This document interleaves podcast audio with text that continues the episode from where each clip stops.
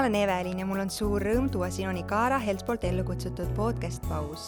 siin podcastis on fookus erinevad teemad naiseks olemisest ja emaks kasvamisest ning seda tõetruult, teaduspõhiselt ja hinnangute vabalt. mul on täna saates külas Käti, kes jagab oma mõtteid emadusteekonnast, kolme lapse rõõmudest ja väljakutsetest ning sellest, kuidas hoolimata vahepealsetest raskustest positiivset meelestatust hoida tänast saadet toetab Eutserin. Eutserin omab üle saja aastast nahahoolduse kogemust, pakkudes tooteid, mis lahendavad erinevaid nahaprobleeme, alates beebide ja laste tundlikust nahast kuni paljusid naisi kimbutavate pigmendilaikudeni välja. hoolikalt valitud toimeained ning kliinilised uuringud on aidanud luua kõrge kvaliteediga, tõhusad ning nahasõbralikud tooted septembrikuus on euroapteekides käimas Eutserini ilukuu, kus kogu tootevalik on kuni nelikümmend protsenti soodsam ja iga kahekümne eurose ostuga tuleb kaasa ka kingitus. nii et tasub igal juhul minna piiluda ning nii enda kui oma laste naha tervise ja sära eest veel eriti siin lähenevate külmemate kuude ootuses hoolt kanda. head kuulamist!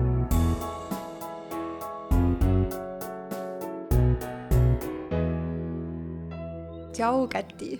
tere, Evelin! sa oled kolme lapse ema. sul on õigus. ja ma pean ütlema, et äh, pausis võib-olla sellised kogemuslood või, või lihtsalt emadusest äh, rääkivad saated ei ole olnud kõige tavapärasem valik või kõige populaarsem saateformaat äh,. me ennekõike oleme olnud keskendunud äh, spetsialistidele mingi kindla spetsiifilise info edasiandmisele, aga mind on väga pikalt võlunud see, kuidas sina kolme lapse emana ja naisena ja abikaasana ja lihtsalt sellise ägeda noore inimesena jagad oma vaateid elule äh, ja ennekõike oma mõtteid emadusest, võib-olla isegi mitte nii palju mõtteid, aga see, et läbi millise filtri või ilma filtrita, seda sa saad kohe ise selgitada, sa emadusteekonda nagu avalikult oled kuidagi vähesel määral kajastanud. sa ei ole siin täna üksi, tegelikult su kõige pisem, Franz, on ka siin. jaa ei saa ilma temata kuskile hetkel. see on, see on äh, emadusteekonna rõõm ja, ja isegi kui ühel hetkel ta, ei ole nad enam sinuga koos kaasas, siis nad on mõtetes vist alati. jah, tõsi. ühesõnaga, sul on kolm last, nad on küllaltki väikeste vanuste vahedega kõik, või? kaks pool on täpselt äh, Remi ja Sienna vahe on kaks pool aastat ja nüüd Sienna ja Prantsu vahe on kaks pool, et mi-, mulle endale ei tundu see väike vahe, mõni ütleb, et on, aga mul on tuttavaid, kellel on aasta ja peale, et see mhm. tundub palju väiksem. kaks pool on väga, väga mõnus vahe. kas sa oled alati teadnud, et emadus on miski, mis äh, sind paelub või kelleks, mida sa tahad kogeda elus e,? nii, nii kaua, kuni äh, ma nagu mäletan, siis küll jah, ma olin ilmselt juba kuueaastasena nii-öelda lapsehoidja, et mhm. meil oli peretuttavad lastega ja siis ma alati kantseldasin neid ja nad äh, jooksid mul järgi ja ilmselt jah, nii kaua kui ma tean, siis ma teadsin, et ma tahan lapsi ja mul ei olnud ilmselt mingit kindlat arvu, kui palju ma neid tahan. aga ma elasin Ameerikas aasta aega, seal ma olin äh, peres nii-öelda neljas laps ja see tundus äh, ainukese lapsena, tundus see nagu see pereelu või see kooslus nii äge, et ma mõtlesin, et ma tahan kindlasti nelja last ma ei ole praegu enam kindel, et kas see neli last nagu on nüüd see eesmärk, aga kolm on väga äge. aga sa oled täna õnnelik selles kohas ja selle perega, kes sul on? absoluutselt. kuidas see, see, hoolimata sellest teadmisest, et sa tahad emaks saada, kuidas see nagu esimene äh, mõte sellest, et sa nagu päriselt saadki emaks, kui sa said teada, et sa last ootad või, või kui te nagu mõtlesite sellele, et see on nagu kohe varsti lähitulevik äkki, millise, milline, millised need emotsioonid siis olid? ma arvan, et äh, kuna ma käisin ülikoolis, siis mul oli teadmine, et ma ei taha seda pooleli jätta, ma teadsin, et ma ilmselt tahan mitu last ja siis see paus tuleb nii pikk, et ma mm -hmm. ilmselt ei lõpetagi seda ära. et siis äh, ma teadsin, et ma tahaksin ülikooli ära lõpetada ja siis meil oli äh, üsna nagu kindel ajavahemik, millal me mõtlesime, et okei okay,, me võiks siis alustada. ja ma, ma ei taha väga sellest rääkida, et see juhtus es, nii-öelda esimene kord, kui me mõtlesime, et võiks nüüd alustada, siis üsna pea tuli rased-, positiivne rasedustest. miks sa ei taha sellest rääkida?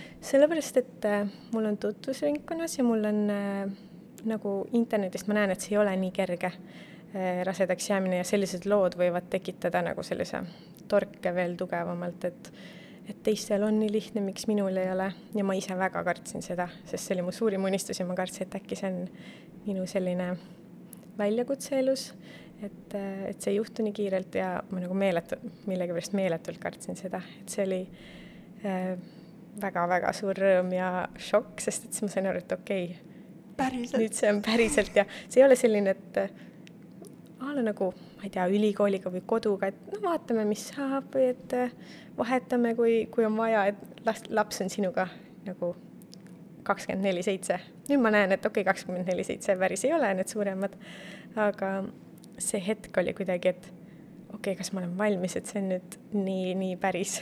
ma mäletan, ma olin seal WC põrandal ja siis, kui ma nagu pöörasin selle ümber ja nägin, et see on väga tugevalt positiivne siis äh, need emotsioonid, nagu mul vist ei ole kunagi nii palju neid olnud, sest see oli esimene kord, see oli selline hirm, põnevus, ootusärevus, rõõm, siis veel kord tuhat korda rõõm ja siis šokk ja kuidagi kõik korraga, et siis ma jooksin mehe juurde, ta magas sügavalt, ta oli mingi okei okay. ma mõtlesin, et appikene, sa ei saa aru, mis nagu, mis see just tähendab, aga noh, sügavast unest nagu ärkas üles hommikul vara, et ähm, võib-olla oli liiga palju oodata mingit tugevat reaktsiooni. see aga... reaktsioon ilmselt tuli hiljem? ja, ja see nagu selles suhtes ta virgus üles ja sai aru, aga, aga lihtsalt esimesena, et äh, esimene hetk tal oli kuidagi selline, et mis see tähendab või mis sa teed, äratad mind üles siin praegu.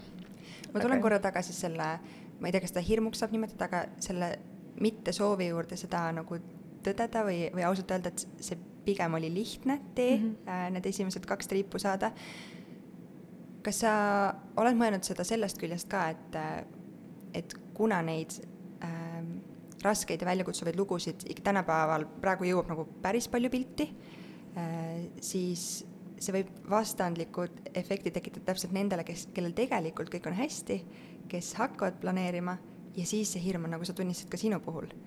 et, et võib-olla peaks nagu kuidagi balansis hoidma seda, et neid õnnelikke, ilusaid, lihtsaid lugusid jagada ja nende kõrval seda väljakutsuvat ka nagu kuidagi tasakaalus tuua. ma, ma olen väga nõus, aga ma nagu loomult olen hästi empaatiline inimene ja ma nagu elan kaasa ja ma kuidagi ei taha kedagi kurvastada või, või, või nagu eputada või ma, ma nagu vastakad tunded tekitavad, aga jah, võib tekkida küll, et kuna selliseid lugusid on palju, et siis ei räägita nii valjult, et äh, tegelikult see võib olla ka selline kerge protsess või ei saa öelda kerge, aga selline pigem kiiremini minna ja ei ole vaja sekkumisi. kuidas su rasedused on kulgenud? Ehm, esimene läks vist kõige kergemalt. Vä-, väsimus on mul alati olnud meeletu, nagu täiesti uskumatu väsimus. teine oli juba seetõttu raskem, et mul oli äh, üks väike nagu kõrval, kelle järgi äh, joosta ja keda, noh, kellega koos toimetada Eh, aga siis oli koroonaaeg, siis me olime, jah, oli koroonaaeg jah, siis me olime üsna kodused vist. et omamoodi oli see jällegi lihtsam, et ei olnud sellist tunnet, et ma jään millestki ilma mm.. Ja nüüd eh, kolmas rasedus oli mul kõige raskem, kuidagi nagu mure, et kuidas ma hakkama saan, et meid on kaks, aga nüüd lapsi on kolm. Eh, mul on kahe viimase rasedusega tekkinud selline veenilaiend jala tagaküljele, mis on hästi valulik olnud, siis mul see oli nagu meeletult valutas ja takistas kuidagi mu käimist ja olemist. Ja väsimus ja kuidagi, et otseselt ei olnud midagi valesti, aneemia oli ka, mis oli ka nagu see väsimus kuidagi ähm,, oli väga suur. et otseselt ei ole midagi eluohtlikku või rasket, et beebiga oli kõik korras, mis on, mis on ju kõige tähtsam, aga ma pigem äh, sünnitaks ja kasvataks beebisid, kui oleks rase. et see on kuidagi väsitav. oled sa üldiselt kuidagi muretseja? Äh, on sul igapäevases elus mingeid äh, muremõtteid või sa oled kuidagi suutnud täitsa nendest oma, oma positiivse hoiaku ja meelega kuidagi kõrvale astuda? ma, raske öelda, ma arvan, et ma olen muutunud vähem muretsejaks et on kindlasti mingid asjad, mille pärast ma muretsen ja kardan võib-olla. esimese lapsega ma nagu kogu aeg jälgisin, kas ta hingab ja, ja nagu see hirm oli nii suur, et äkki midagi juhtub temaga ja nüüd ma, mida aeg edasi ma näen, et tegelikult jällegi, et ei pea midagi juhtuma, et võib täiesti selline ilus, rahulik, vahel kaos, aga see on nagu selline tavaline elu olla. et, et ei ole nii, et kõigiga juhtub või et, et kui on hästi läinud, et midagi halba peab juhtuma, mul on kuidagi selline äh, hirm vahepeal, et kõik on nii hästi, et mis nüüd halvasti läheb, aga et, et tegelikult ei pea.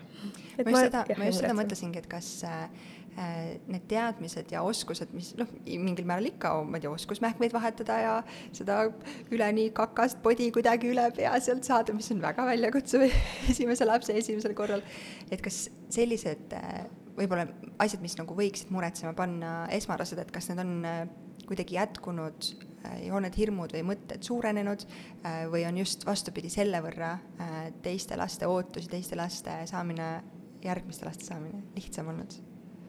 Ma arvan küll, et see igapäevaelu beebiga on äh, nii-öelda käpas, et ei mm. ole seda muret, aga miks mulle veel rasedus ei meeldi, on see, et raseduse ajal sa kogu aeg mõtled, et kas kõik on korras, et kas sünnitus läheb hästi, kas kuidagi Ehm, see, seda mure oli küll mul äh, palju, kuna ka on nagu lähiringkonnas paar äh, nagu sellist kurvemat lugu, et siis äh, nagu mõtled, et okei okay,, et, et nagu oleks ta vaid mul käes, et siis, siis ma saan nagu kuidagi ise nagu hoolitseda tema eest, et seal kõhus olles kuidagi ei saa kontrollida, kuidas kõik läheb.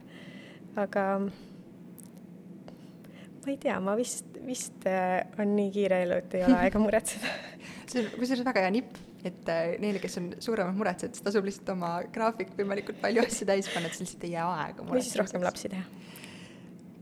Põhimõtteliselt ka õige, jah, see on vist hästi individuaalne, aga teeme nii, et, et selles kontekstis on õige vastus jah, ei, kõigile. kõigile oma. kõigile oma, just. ma ütlesin alguses, et, et see põhjus, miks ma väga-väga-väga tahtsin sind saatesse kutsuda, on see, et mind väga kõnetab äh, ja võlub see, kui, kuidas sa nagu seda kogu emadusteekonda hästi positiivselt oled enda jaoks lahti mõtestanud ja kuidas sa seda kajastad.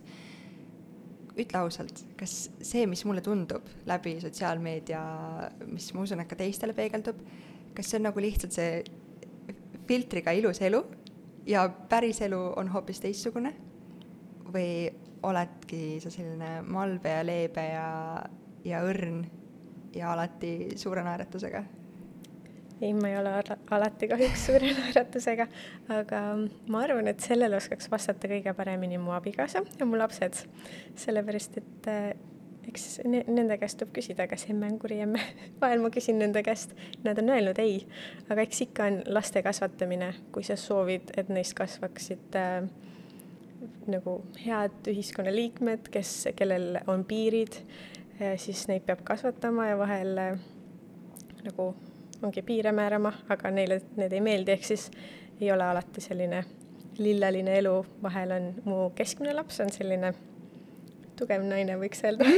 Väga palju emotsioone, väga, eh, väga tugevalt väljendab neid, et äh, temaga on küll vahel selline tunne, et okei okay,, mis ma peale hakkan, mul on vaja nagu mingit raamatut või mingisugust kedagi nagu, kes ütleks, et okei okay,, tee nüüd nii, sest ma ei taha teda nii-öelda ära oled sa leidnud selle raamatu või? on sul keegi, kellelt küsida neid küsimusi, kuidas ma pean selles olukorras käituma? kuidas ma pean? no kuna ma olen kristlane, siis ma palvetan väga palju, nii et äh, ma ei saa öelda, et otseselt oleks äh,, oleks nagu mingit raamatut, aga ma piiblit loen ja sealt ma saan palju tarkust kui see vastus, ma ei tea, pädeb. jaa, absoluutselt, ma, ma lihtsalt mõtlengi seda, et, et äh, hästi palju on ju tegelikult mingid lapsevanemluse käsiraamatud, raseduse käsiraamatud mm., kõik, kõik muud sellised, aga need ei anna tegelikult, et kui sul on päriselt see hetk, kus ma ei tea, kahene viskab ennast, ma toon alati seda näidet miskipärast, aga viskab ennast poepõrandal pikali, ütleb mina ei tule siit ilma selle jäätiseta koju või äh, näiteks minul on täna aktuaalne olukord see, kus äh, laps liigub iseseisvalt nii palju, aga ohutunnetus on null, ehk siis ta käib ja koputab, tõuseb püsti teleka peale, patsutab seda kõikide oma traktorite ja tea, mingite mänguasjade ja, ja rusikaga ja, ja siis ma lihtsalt, ma toon juba neljateistkümnendat korda ta sealt teleka pealt ära ja panen ta sinna, kus ta nagu võiks mängida. Ja ta ei saa aru. Ja siis ma mõtlen küll, et kes mulle ütleb praegu, mida ma peaksin tegema, karjumisest mitte mingit tolku ei ole. Kaheksateistkümnendat, kahekümne neljandat korda ma lihtsalt, ma füüsiliselt ei jaksa teda sealt enam ära tuua. et äh, lihtsalt ma nagu tihti, ma arvan, et see vastus on kõikidel ei, aga sellist ühist käsiraamatut, mis ütleks kõikidele küsimustele vastuse, vist lapsevanematele ei ole. ei ole jah, ja see on, see on omamoodi raske, aga samas teeb jälle lihtsamaks, sellepärast et ma Remiga, mu esimene laps, kes on nüüd hetkel viieaastane, temaga ma lugesin enne sündi läbi mingi raamatu, ma olin kindel, et ma teen graafiku, et ta magab niimoodi ja noh, kui raske see saab ikka olla, et, et teeb nii, nagu ma ütlen, kuidagi sellise hästi ettevalmistunud olekuga olin. ja see oli nii stressirohke, sellepärast et ta on väike beebi, kes ei ole sealt raamatust välja tulnud ja kuidagi ei toiminud see raamatu järgi tegemine. ma olin ise rohkem stressis.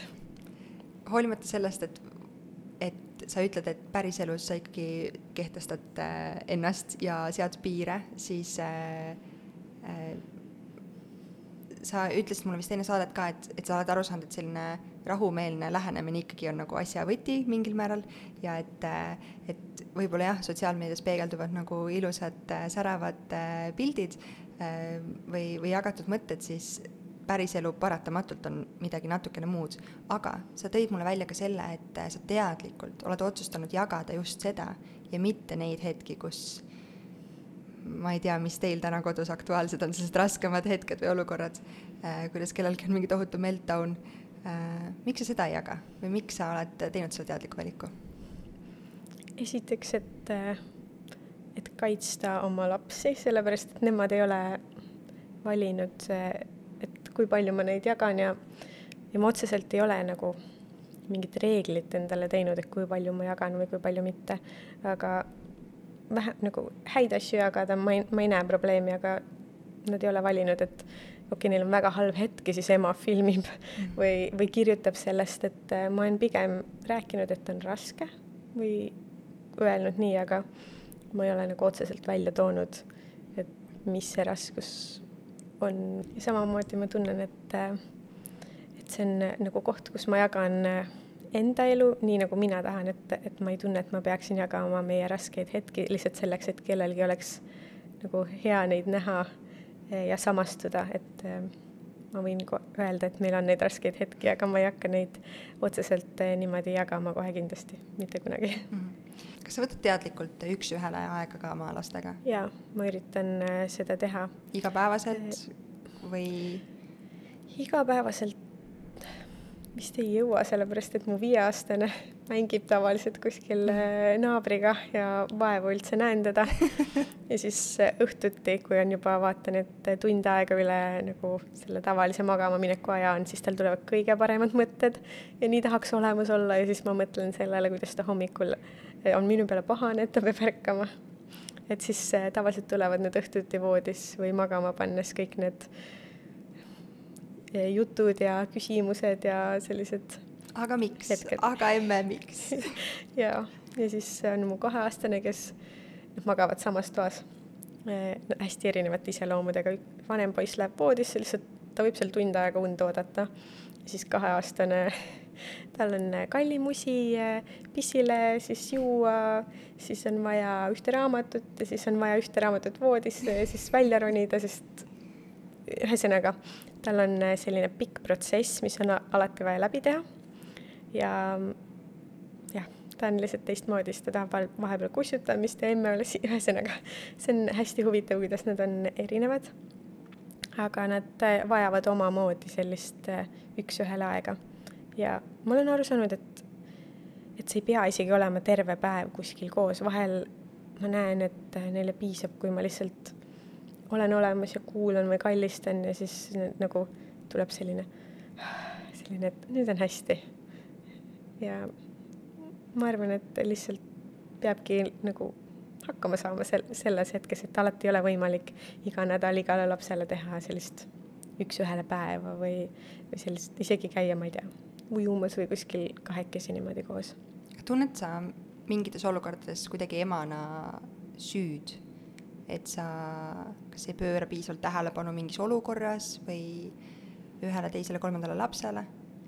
no kolmas on sinuga vist kogu aeg praegu kaasas ja küljes, et talle vist sa ole, annad kogu oma tähelepanu küll. Jaa, aga ma ei saaks ka öelda, et kogu tähelepanu. esimese lapsega ma andsin talle kogu oma tähelepanu kaks pool aastat ja nüüd äh, teised lapsed äh, peavad leppima sellega nagu, mis alles jääb jah, ühesõnaga nagu ta on mu esimene prioriteet, aga samas need kõik on mu esimene prioriteet, et vahel ta peab seal maas olema võib-olla kauem, kui ta tahaks ja tuleb uneaeg peale ja lihtsalt ei ole võimalik äh, teda panna nüüd viie minuti jooksul magama. aga süü-, tuleb ikka ja vahel, aga ma tean, et ma olen neile andnud kogu eluks parimad sõbrad. et ma, isegi kui nad äh, mingitel hetkedel võib-olla peavad nagu võistlema või, või jäävad mingist olu- või tähelepanust ilma, siis tegelikult ma näen, kui tore neil koos on ja nad lihtsalt, nad, Sienna ja Remi mõlemad armastavad, kaklevad, kumb saab, kumma oma see beebi on ja nad teineteisega mängivad koos ja ja isegi kui tundub, et nad kaklevad vahepeal rohkem, siis kui nad koos ei ole, siis on kohe, kus Remi on, kus Sienna on, et et see süütunne on mul enamasti nendel hetkedel, kui ma olen nendega käitunud nii, nagu ma tean, et poleks pida-, pidanud. et see, see on mu kõige suurem süütunde allikas, ma arvan. aga nendes olukordades, kus, mida sa praegu välja tõid, et, et millal sa süüd tunned, kas sa teed midagi eriti nagu kuidagi erilist, on sul mingid omad nipid, kuidas ma ei tea, järgmisel päeval teed pannkooke kogu laua laste ees, palud vabandust või, või võtad sa kuidagi sellele erilist tähelepanu, selgitad sa ennast äh, või enda, ma ei tea, mõtteid, äh, miks sa sel hetkel nii käitusid Viina oma lastele? ma arvan, et äh, mu nagu üks asi, mis ma teen alati, on see, et ma püüan vabandust paluda nii kiiresti kui võimalik. Ja vahel on, ma nagu olen inimlikult sellises kohas, kus ma ei tahaks vabandust paluda, sest et ma olen ikkagi näiteks vihane, et ma ei tea mõni olukord võib-olla a la jooksis tänavale ilma luba küsimata, meil autod seal sõidavad, mingid sellised hetked, kus ma tunnen, et appikene, et nagu, et mis oleks kõik võinud juhtuda ja olen nagu sellises kohas, kus ma ei suuda kohe vabandust paluda, siis ma mõtlen, et okei okay,, ma natukene rahunen ja siis esimene asi on mul ikkagi alati, et ma lähen juba, kui Remi oli paarikuune, siis ma ütlesin palun vabandust mingi asja eest. Ja see tundus hästi Ähm, veider alguses, sellepärast et ta oli beebi, kes mulle, ma ei saa aru, kas, kas ta nagu nii-öelda, kas ta annab andeks või kas ta, mida ta tunneb, aga, aga ma olen äh, lugenud ühte uuringut, et inimese ajus äh, vabandus muudab selle nagu mälestuse teistsuguseks.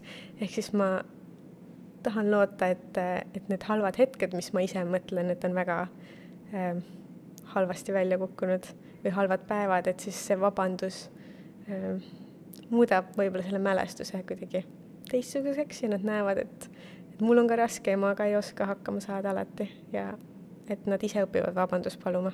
Mida nad teevad? ma näen, et, et see on nagu kandnud vilja.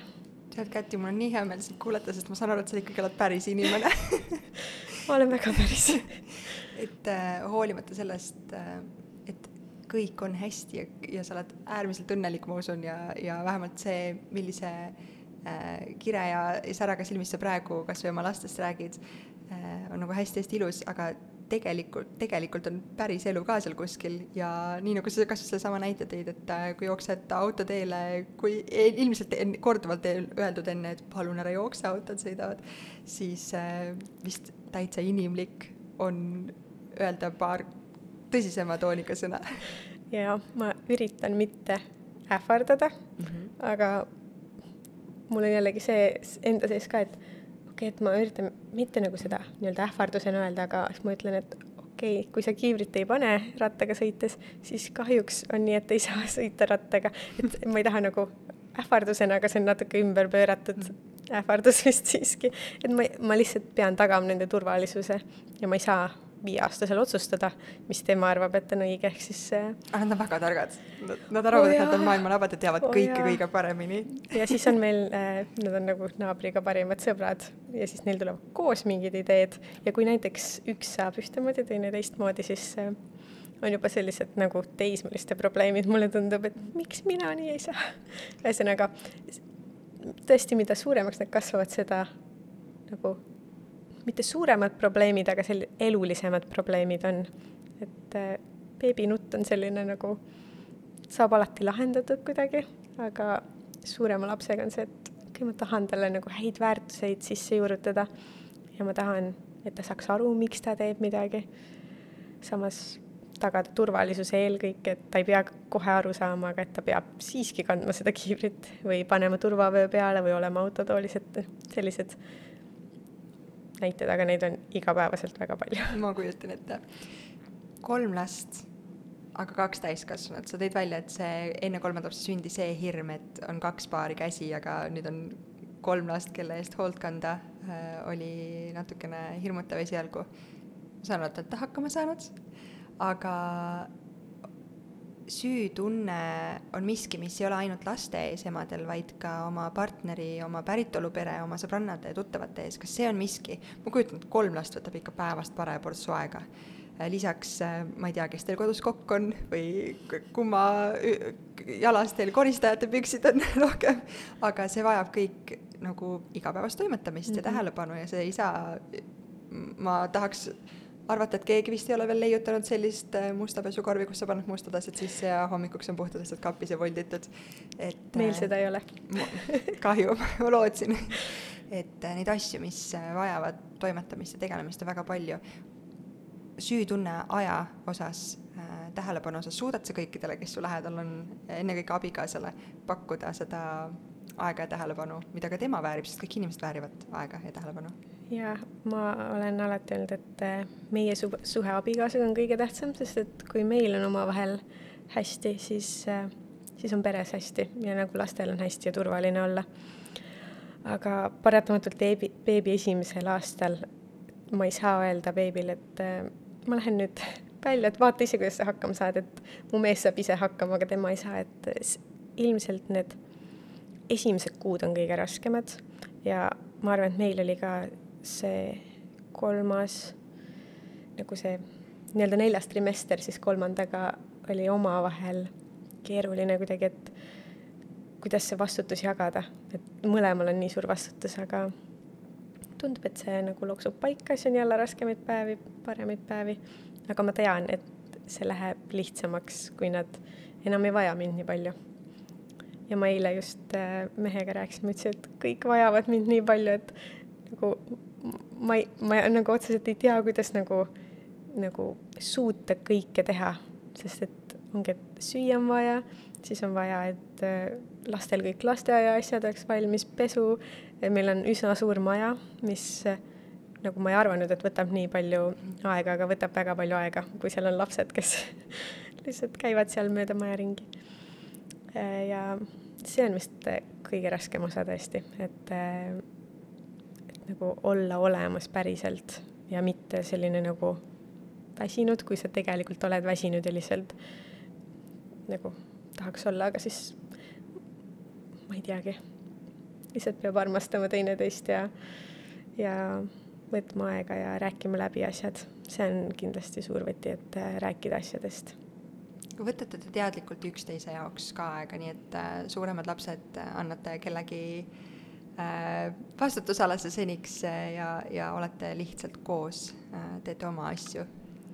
ja me isegi käisime Belgias kahekesi koos, tähendab kolmekesi, kolmekesi just hakkasin sulle aga Prantsuga on nii lihtne, et kui sa kolme lapsega koos, siis see üks beebi tundub, tundub nagu, ma ei tea, nagu mitte nagu ei olekski last, aga lihtsalt ta on nii leplik, ta ei jookse eest ära, ta lihtsalt tahab su lähedust ja ja see, selle me võtsime teadlikult kahekesi.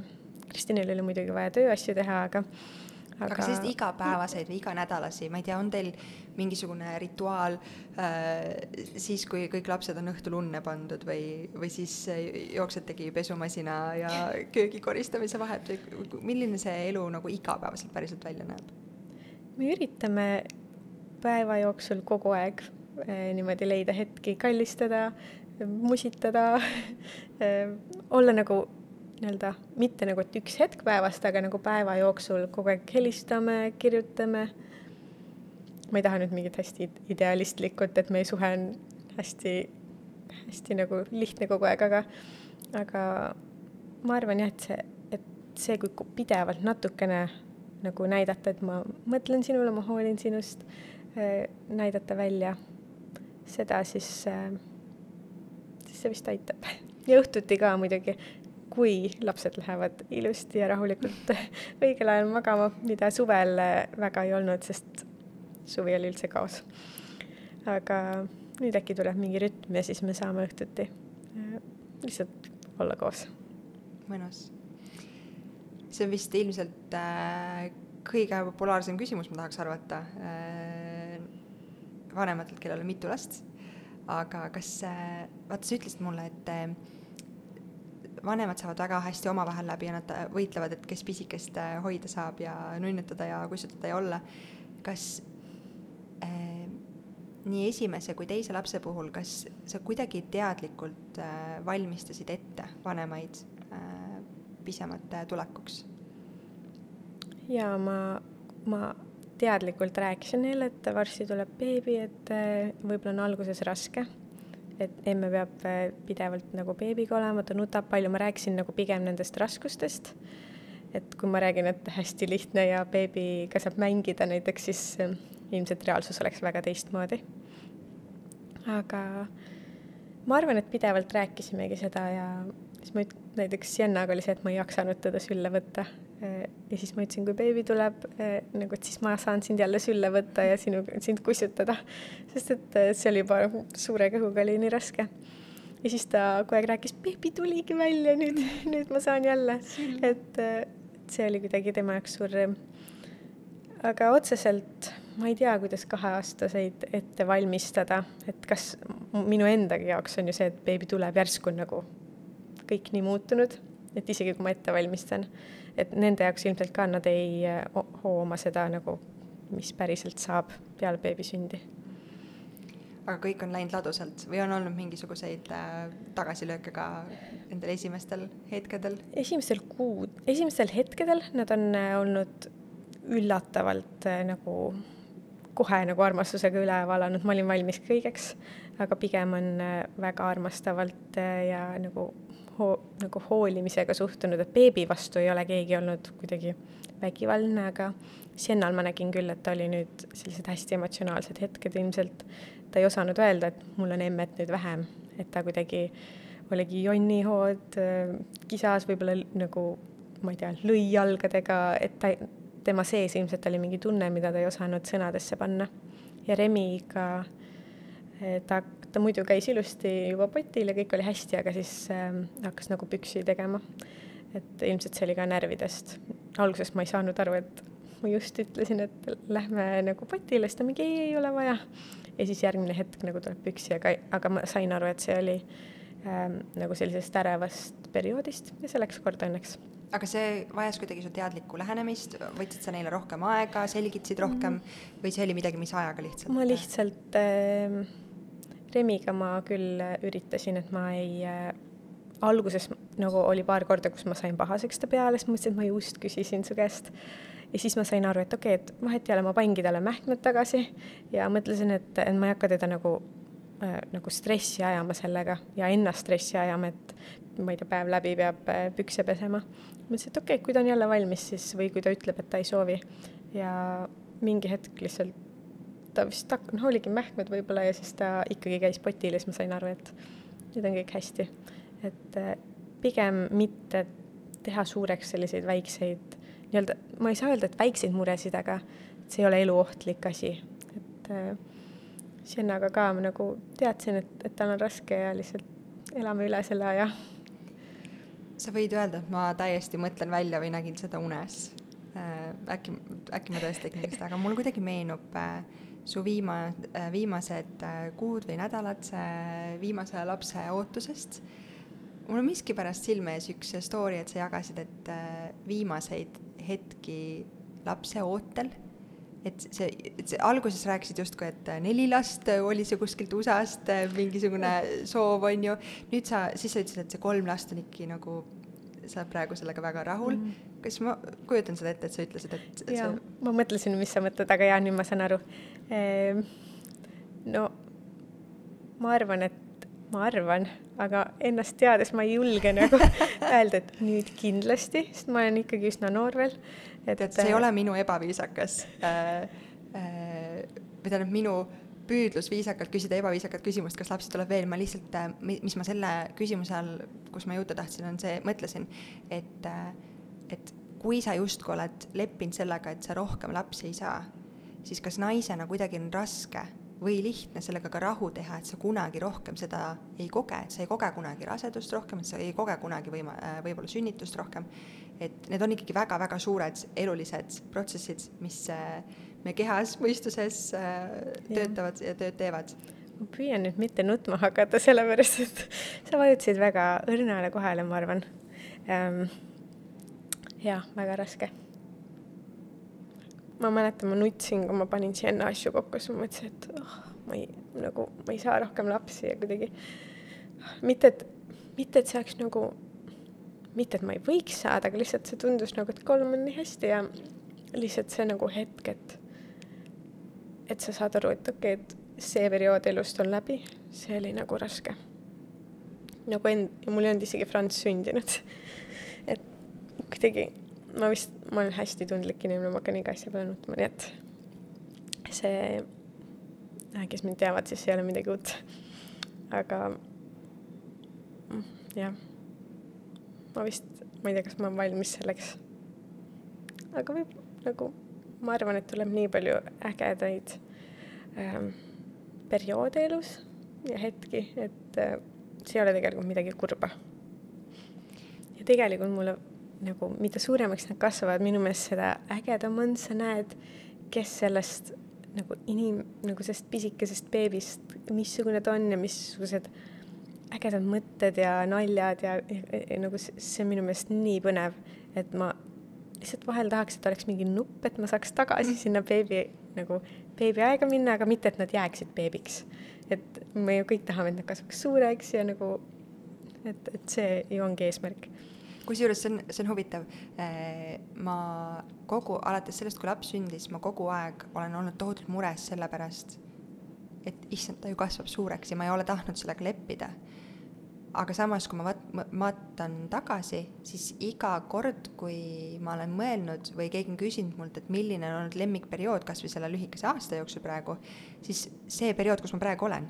ehk siis ma ei igatse ilmtingimata taga neid mm, -hmm. ma ei tea, kui ta oli seal mõnepäevane või kolmekuune või kuuekuune, et just see hetk, milles me praegu oleme, on tegelikult mu lemmik küll ka kõige raskem yeah., aga ikkagi kõige rohkem lemmik yeah.. et äh, võib-olla äh, see mulle endale ka meeldetuletuseks aitab natuke rohkem leppida sellega, et, et ei taha, et nad suureks kasvaks, aga samas kui nad on mida suuremad, seda asjalikumad ja seda rohkem mm. inimese moodi, nendega yeah. saab rääkida, neid saab kaasata igasugustesse tegevustesse. jah, ma olen nõus, et, et ongi, see on selline vist iga ema südames selline nagu paradoks, et sa tahad, et nad kasvaks suureks, samas sa nagu ei taha unustada või kuidagi tahaks alati mäletada seda beebilõhna ja missugused nad on ja ja, ja kuidagi iga, igat hetke, aga nagu paratamatult iga hetk nagu igat hetke ei saa mäletada. aga siis saabki neid nagu, ma üritan olla hästi kohal igas hetkes. see ei tule alati välja, aga lihtsalt, et, et ma ei hakkaks igatsema seda beebiga või igatsema seda aega, et siis ma lihtsalt naudin seda praegu, mis on ja ma tean, et siis ma naudin seda järgmist hetke ja järgmist ja järgmist, et aga jah kindlasti on neid hetki ka, kus, mida ei saa lihtsalt nautida, kus sa mõtled, et okei okay,, palun aidake mind keegi, aga sa oled, sa oled korduvalt välja toonud siin saates, et äh, su eesmärgiks ja sooviks on äh, kasvatada äh, täisväärtuslikud ühiskonnaliikmed, head inimesed. Ähm, kas sa teed midagi selleks, viiene on ka veel päris väike, kuigi mõistab maailma juba päris hästi. Äh, teed sa selleks midagi iga päev või püüad sa kaasata neid kuidagi hästi palju enda tegemistesse, tea igapäevast, igapäevasesse olmesse, kas või söögi tegemisse, koristamisesse, et miski, mis annab neile selle äh,, need mõtted ja oskused äh, eluks?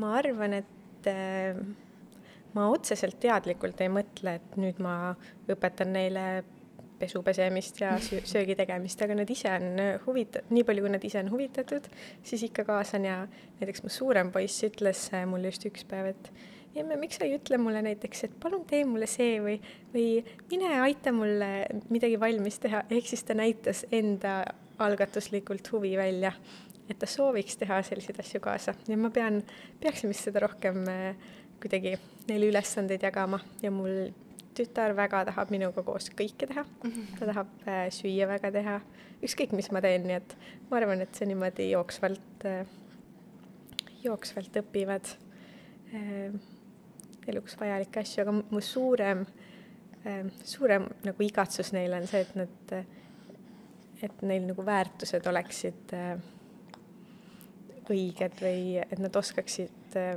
õigeid asju igatseda ja mitte ma ei tea, ma väga kardan, et äkki tulevad mingid valed sõbrad, kes, kes ütlevad neile, et tee seda ja tee seda, et, et siis neil oleks enda tarkus. ja neil oleks enda tarkus teada, mis on õige ja mida nad tahavad nagu kuidagi elus. aga ma usun, et see on, ma usun, et see on miski, mis äh, tuleb kaasa ikkagi kodust ja vanematelt selles osas, et jah, sa ei saa kontrollida lõpuni oma laste sõpru ja, ja sõprusringkondi, kus nad ringi käivad ja mida vanemaks nad saavad, seda keerulisemaks see muutub ilmselt. aga see, mille põhjal võib-olla lapsed sõpru endale valivad, Äh, on ka miski, mis on mõjutuse saanud juba kodust. ja seesama, kuigi ma noh, ma oma abikaasa puhul võin, või näitel saan seda öelda, et äh, kui sa tahad, et laps õpiks kunagi midagi peale pelmeenide ja võileibade tegema, siis äh, tuleb neid vist ikka köögis kaasata ka, aga isegi mitte seevõrd, see nii palju, et kui palju me koos nendega süüa teeme või, või kui palju me koos lastega koristame, aga see, millise äh, mis nagu mõtted seal taustal on see, et kuidas me enda asjade eest hoolitseme või, või kuidas me väärtustame seda, et ühte asja saab korduvalt ka kanda ja kasutada, et ei pea alati uudus, uut ostma, et nagu nende pisikeste olmetegevuste käigus ma usun, et äh, nagu saavad äh,, tulevad välja need olulised äh, mõtted seal taustal ka laste jaoks. jah, ma tahaks väga loota, et see, et, äh, et nad niimoodi haaravad äh, nagu selle külge ja eks tuleb siis teismeiga, kus neil võib-olla kõik see vaatame, räägime siis uuesti. ja siis, ja siis tuleb jälle aru pähe mingi hetk, kus, kus nad nagu, aga samas mõnel võib-olla ei tule ka seda, et seda nii-öelda metsikut teismeiga. vot, kunagi ei tea, ei tea.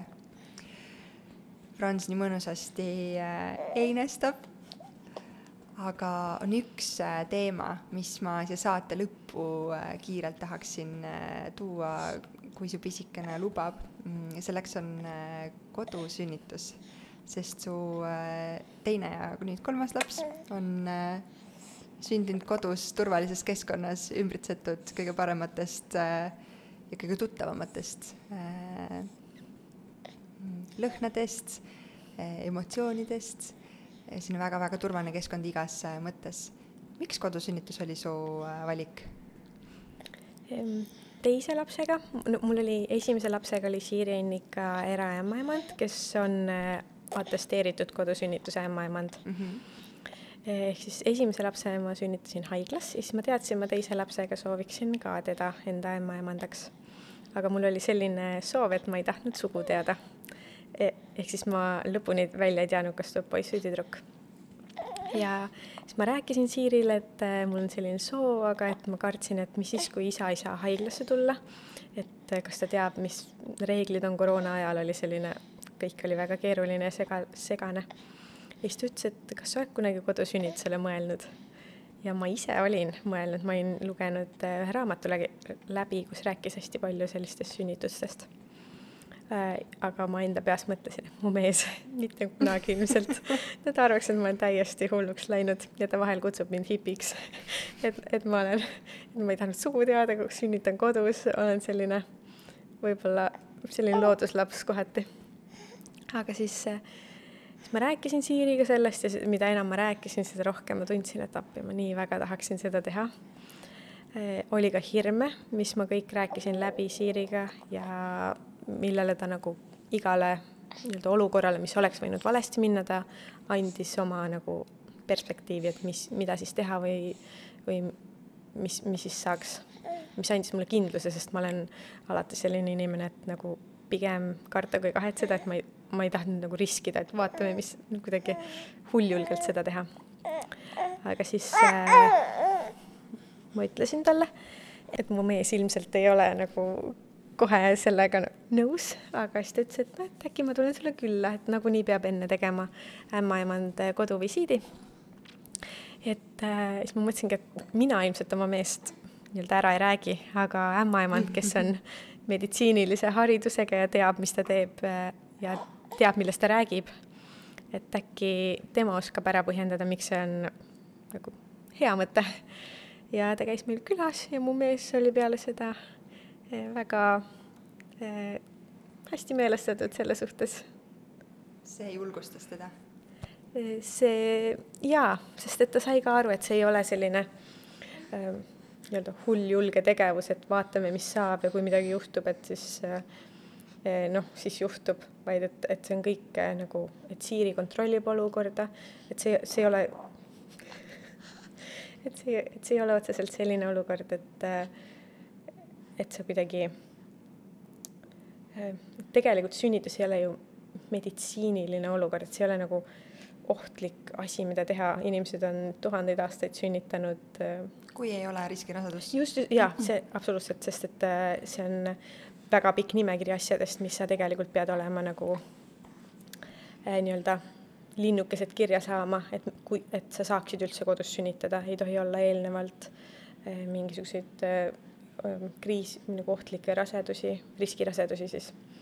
no ühesõnaga väga pikk nimekiri.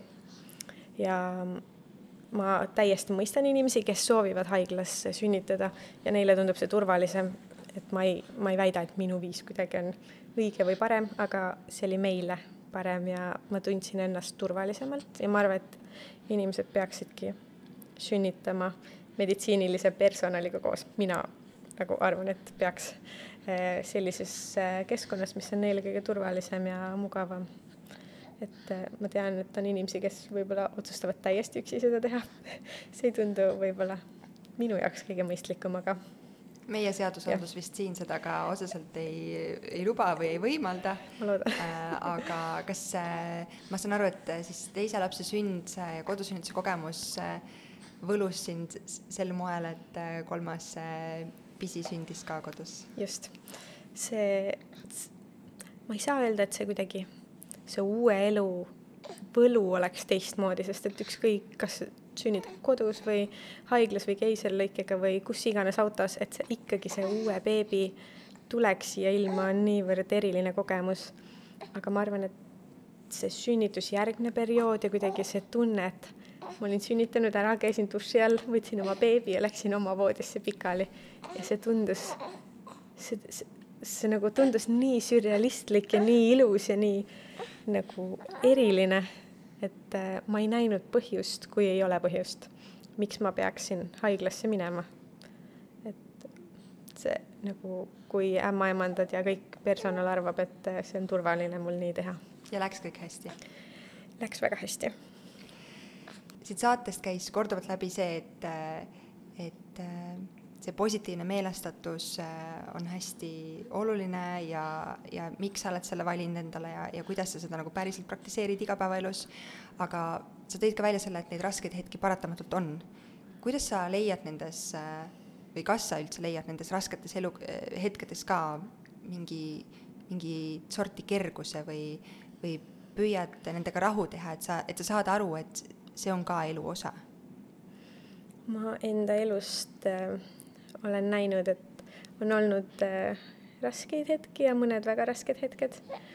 ma olen näinud enda elust, et äh, ükskõik, mis raskus mul ei oleks, siis äh, kas läbi selle või, või teisel pool seda raskust on midagi nii, nii ilusat, mida ma ei oleks saanud muud moodi kui ainult läbi selle raskuse ma tean, et äh, on inimesi, kellel on äh, nii palju raskemad elus, et e, raskemad äh, olukorrad elus. et mind tihti aitab see, kui ma mõtlen nagu, mis võiks olla, et ma ei, ma ei tea, kui nagu õige see on otseselt, et nagu võrrelda või, või nagu mõelda, mis võiks kõik olla. aga kui ongi, ma ei tea, täiesti väsinud olla, magamata, haige, ütleme, väga halb kombinatsioon, siis ma mõtlen, et see on minul ainult näiteks üks päev või, või nädal aega. et mõnel inimesel on, ongi nagu väga-väga, ma ei tea, raske, raskelt haiged lapsed näiteks või, või kui, ma ei tea, Siennaga on selline raskem periood olnud.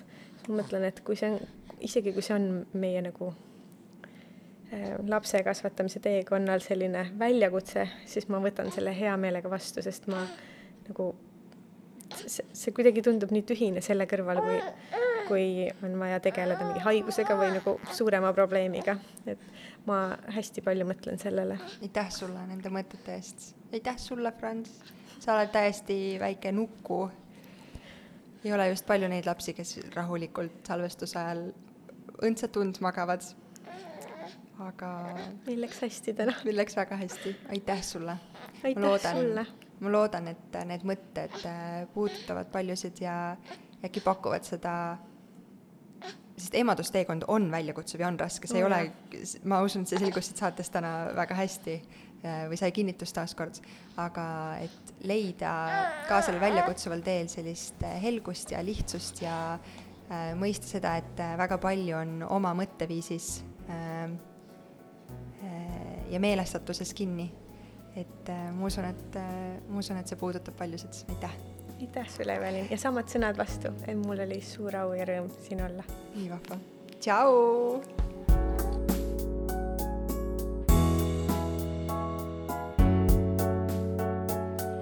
saate toob sinuni Kaara, naiste tervise ja heaolu edendaja rasedus- ning emadusperioodil. vaata lähemalt kaarahelts.io